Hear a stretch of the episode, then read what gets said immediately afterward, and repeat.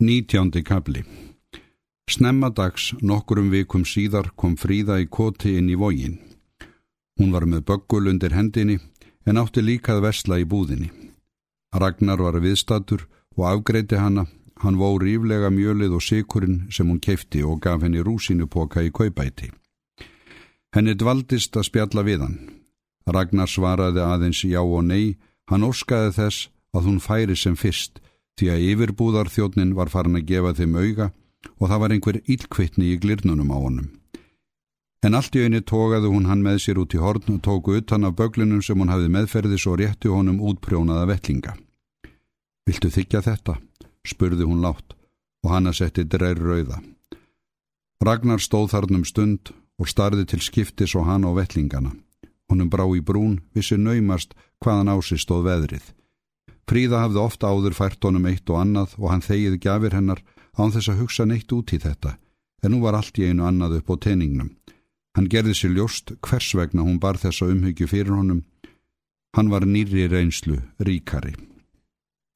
Sama undarlega andúðin og hann varð varfið í garð hennar nóttina þegar þau hittust inn á milli hæðana, blossaði upp aftur og helst hefði hann viljað afþakka vellingana en jáfnframt kendi hann í brjóstum þessa laglegu fátæku stúlku.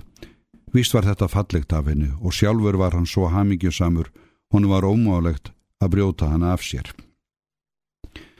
Þakka þér kærlega fyrir, sagði hann enþá á báðum áttum. Þú átt ekki að vera að gefa mér, ég, ég á það sannarlega ekki skilið. Í sömu andrá var þónu liti framann í Sigurd yfirbúðar þjón á viðbjóðslegt glotti sem leikum smettið á honum sveijattan. Þessi fytuklumpur skildi ekki haldað faktorsónurinn þyrst að fara í launkofa með neitt fyrir honum. Ragnar rétti fríðu höndina án allrar launungar og þakkaði henn á ný. Þú ert reglulega væn stúlka, ég hef aldrei átt svona fallega vellinga.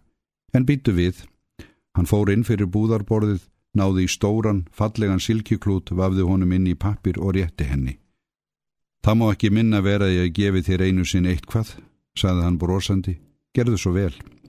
Fríða fór öll hjá sér þegar hún tók við klútnum. Hún varð blóðrauð í framann og dökkaugun störðu og gefandan stór og mistruð. Hún kom engu orðu upp en hafði sig brott og hljópi spretti stígin sem lág út í sveitina. Undir einum ástnum skamt frá koti flegði hún sér niður og breyti úr klútnum. Hún kisti hann og þrýsti honum að vanga sér og dýrlegir draumar þyrtust fram í huga hennar. Hún hló og grét á viksl og var frá sér numin að fögnuði. Undir kvöld, daginn eftir, skrapp hún vestur í heiði til að svipast eftir kind sem vantaði. Hún var seint fyrir og lagði leiðsina inn á milla hæðana fram hjá gamla eðibænum. Í kvammi utan við túnið og spyrkikjar og óskupun öll að blágresi, þar ætlaði hún að kvíla sér stundarkorn því að ilmurinn þarna var svo sætur og rammur þegar leið á kvöldið. En er hún álgaðis kvammin, heyrðu hún hlátur og mannamál Maður og kona voru þar í samræðum. Hún þekkti strax málróm Ragnars og skömmu síðar sá hún þau. Hann satt harni í kærrinu með gunni í fanginu og í þessum svifum lagði hún hendurnar um hálsónum og þau kistust. Fríða stóðum stund gravkirr eins og hún gæti ekki slitið sig frá þessari sjón. Augnar á þennar varð sljótt og sortakent. Hanna langaði að taka til fótana, flýta sér burtu, fela sig en kom samt ekki úr spórunum. Öll skinnjun hennar var horfin, auðn og tóm í hug hennar, allt annað vikið burt, en sásaukin enn ekki komin til sögunar. Allt í einu myndist hún þess að hún hefði einu sinni áður, staði svona eins og fjötruð af sjón sem fór hrollu um sál hennar og huga. Hún sá í anda fúna og holdlausa hauskúpu sem gein við henni hólum augnatóttum úr gulum fjörusandinum. Seintu kvöldið kom hún inn í baðstofu til Ólafar sem satt út við gluggan og var að bæta fött. Óskup varstu lengi, þú lítur að vera glór hungruð, maturinn er á, en Guð hjálpi þér barn, hvað hefur komið fyrir? Ekki neitt mamma, nei, ekki neitt. Ólafi fjellust hendur, hún starði skeld á dóttur sína. Fríða hafði numið staðar og miðju gólfi, það var eins og ljós augna hennar hefði sloknað, hún var álút og hókinn og líkust því að hún gengi í svefni. Það var ekki á henni séð að hún hefði grátið. Hvað gætt hafa komið fyrir? Mamma, sagði hún loksins, er mikil synd að svifta sig lífinu. Hvað ert að segja, barn? Fríða, ég byrð Guð að hjálpa þér. Segð ekki þetta, mamma. Guð hjálpar ekki neinum. Minnst að kosti ekki mér.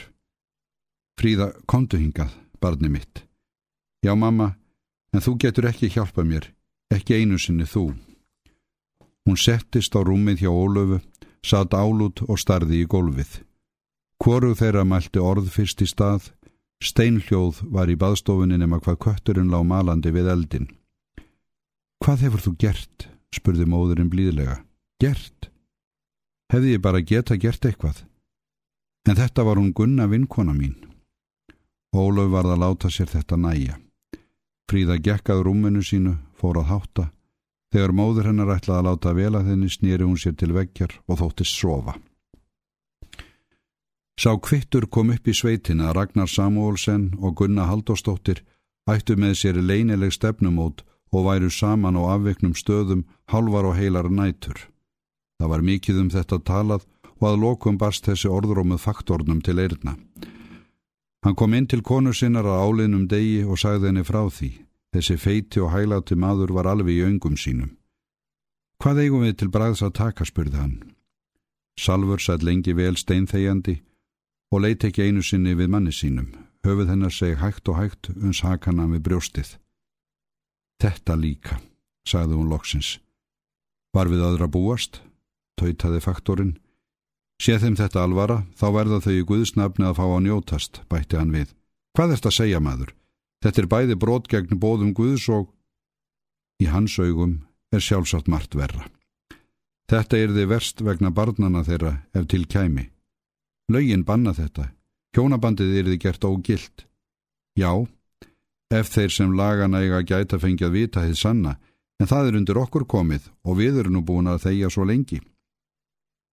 Þú verður að tala við drengin Samúlsson. Eins og þú vilt. Ég skal komast að því hvort honum er þetta alvara. En verði að segja honum hitt, þá gjörir þú það sjálf salfur. Nokkur um dögum setna var Ragnar í stemtinn í skrifstofuna þar sem þeir feðgarnir áttu tal saman. Samtal þeirra var stutt og laggott. Pilturinn sæði skýrt og skorunort að hann elskaði Gunnu Haldósdóttur og ætlaði að giftast henni strax og þau hefði aldru til. Hann hvast af ætla sér að segja fóröldurum sínum frá þessu með höstunu en nú hefðu þau orði fyrir til. Hann sagði faktornum kurtislega en ákveðið að það veri ekki til neins fyrir þau að leggjast á móti þessu. Hann var yfirleitt fálátur og þurr á mannin og Samuelsen nöyt sín ekki fannst einhvern veginn að ásökunar gætti rödd pilsins, jafnvel hæðni. Hann hafði sjálfsagt í huga hvernig verslunin kom fram við föður unnustu hans. Það var heldur ekkert óæðilegt. Samúlsson var varfið þetta sama í færi Einar Sölvarssonar, þó að hægt færi, og faktorinn tók það sárt að sæta lítilsvirðingu aðstormansins. Honu var snakva skapinæst að segja að Ragnar alltaf létta og gera reynd fyrir sínum dýrungakvart honum, en hann hætti við það. Það yrði ekki til neins annars en vekja nýtt hatur og nýja harma. Hann hétt því að þau skildu fá að njótast ef Salfur gæfi samþykki sitt til þess og svo væri undir náð drottins komið hverjar afleiðingarnar eyrðu. Þessi dóttir Haldós Bessarssonar var hraustleg og falleg stúlka og Ragnar var að verða fullorðin maður. Þetta var stoltur og ákveðin unglingur, hann leti áræðanlega ekki bjóða sér allt. Samuelsen leitt blíðlega á piltin og sagði að hann mætti fara. Ég skal ekki leggja stein í götu þína, bætti hann við. Þakka þér fyrir, pappi, saði Ragnar. Hann komst við. Ekkert að þakka, tautaði faktorinn, hann reys snöglega á fætur og gekk út að glugganum. Gunna og Ragnar heldu áfram að hittast á laun og skömmu síðar barst svo fréttum sveitina að faktorinn hefði samþygt trúlofun þeirra. Fólk vissi ekki almennilega hvað það átt að halda. Þar kom að Haldur Bessarsson fekk að vitum þetta allt saman hjá Hannesi Langbrók. Hann let sér fátum finnast í fyrstu en sætti sig við það að aðtuguðu máli.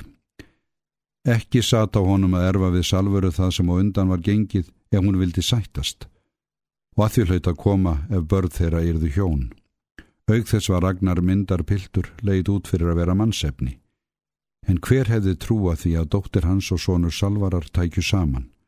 Haldur gæti ekki varist brosi við tilhugsunina. Vegir forlagana voru óransakanlegir. En honum létti skapið við líkurnar og sátt og fríði þegar framliðu stundir. Haldur lagði hartað sér við vinnuna, honum voru öll störf sínu erfiðari eftir að hann misti fæturna. Hann hefði bætt túnið að miklu mun, stækkað og sléttað og auk þess hlaðið grjótgarð kringum það. Garðurinn var svo sem ekki búinn, en þess er ekki langt að býða ef hann livði. Hann var reikin af þessum gardi, hafði unnið að honum mörgum stundum. Það var munur að hafa gardinn og vera laus við fjö og búpenning sem sótti í túnið vor og sumar. Hann gerði sér allt farum að standa öðrum á sporði, þó að hann er það stöylast áfram á njánum og nú var Gissur farin að hjálpa til svo að búskapurinn á Katanessi gekk betur en áður. Fjölskyldan var sparsum og veslunarskuldin hafði minka talsvert síðustu árin. Ef allt gengjað óskum, þurfti hann ekki framar að óttast ofsóknir salvarar þó að hún held áfram að reyna að koma fram hemdum á hendur honum. En nú leit út fyrir að henni þætti nóg komið. Fólk sagði að faktorinn hefði samþygt þann ráðahag að Ragnar og Gunna ættust ef þeim væri þetta alvara og allir vissu að Samuelsen satt og stóð eins og kona hans vildi. Það gladdi Haldur ennfremur að Ragnar var strax farin að sækjast eftir að vera í samvinstum við hann, kom oft að Katanesi og var honum eins og góður sónur. En hafði hann ekki fært þetta í tal, kom sér víst ekki að því. Haldur umgekst hann eins og fullorðin mann og líkast því sem þeir væru gamlir félagar. Einlag vinnsemd ungamannsins bætti honum allt sem honum hafði gengið í mót. Kanski ætti hann enn í vændum góða daga. Annars var því ekki að neyta að hann var farin að hilsu og kröftum, var ekki lengur sá sem hann áður var. Þessi einkennilegi kvíðu og órói sem sótti stundum á hann, hann kom vist ekki til af góðu. Lífsþrótturinn blætti smán saman út um sárin á fótunum sem aldrei greiru til fulls. Hann var heldur ekki eins léttlindur og forðum var ekki einu sinni samur í fasi. En fengi hann sér í staupinu eða sæti við stýri í hagstaðum byr, gat hann ennátt bjartar og góðar stundir. Þegar leið fram á höstið var allur vafi horfinum trúlofun þeirra Ragnars og Gunnu. Fólk hafi fyrstistaðstungi saman nefjum og verið með hinnar og þessar getgátur en nú lág öllum í augum uppi að hverju fór. Sumir fór að meira að segja að hafa orð á því að Halldór hefði fengið að kenna nóg á framkomu sinni, það væri fallega gert að salfur að leifa þeim Ragnaru og Gunnu að fara sínu fram. Fríða í koti hafði aldrei komið að Katanessi allt sumarið, en dageinnum haustið bar hann að gardi. Gunna tók henni opnum örmum og síndi henni það sem hún var búin að sauma í búið. Fríða skoðaði þetta mikilli aðtikli og bauðst til að hjálpa henni við saumaskapin fram eftir vetri. Gunnar var heiminn lifandi og faðmaði vinkonu sín að sér. Ó, ég er svo hamingjusum, kvíslaði hún aðinni. Þó það nú væri, svaraði hinn hælátlega. Fríða hafði breyst mikið um sumarið, hún var orðin grenri og ennþá fölari. Spurnin og ásaukunin var horfin úr stórum, dökkum augum hennar. Þar var aðeins botlöst myrkur. Hún var stilt í fasi og svifa sein og virtist alltaf í þungum þöngum. Gunna var svo upptekin af sjálfur sér að hún gaf engan gaum að breytingunni í fari vinkonu sinnar. Þegar veturinn gekk í gard sátu þar laungum stundum við sauma í loftherberginu á Katanesi, þar töluðu fátt, báðar voru niðursoknar í drauma sína. Gunna var í sjöunda himni, fríða let aldrei uppi hvað henni bjó í hug en hún handleg varlega og því senast fjálglega allt það sem hún saumaði fyrir vinkonu sína. Kvöld nokkurt, þegar hún var að ljúka við kottaver, lifti hún því fyrir sér og horfi á það um stund. Á þessu á hann að sofa. Hún var búin að segja þetta áður hún vissi af, drjúfti höfði og setti dreir rauða. Gunnar leitt upp á brosti, hún var líka rjóð og feimnisleg. Já, finnst þér það ekki skrítið? Síðan leið laung stund og kvorug sagði orð.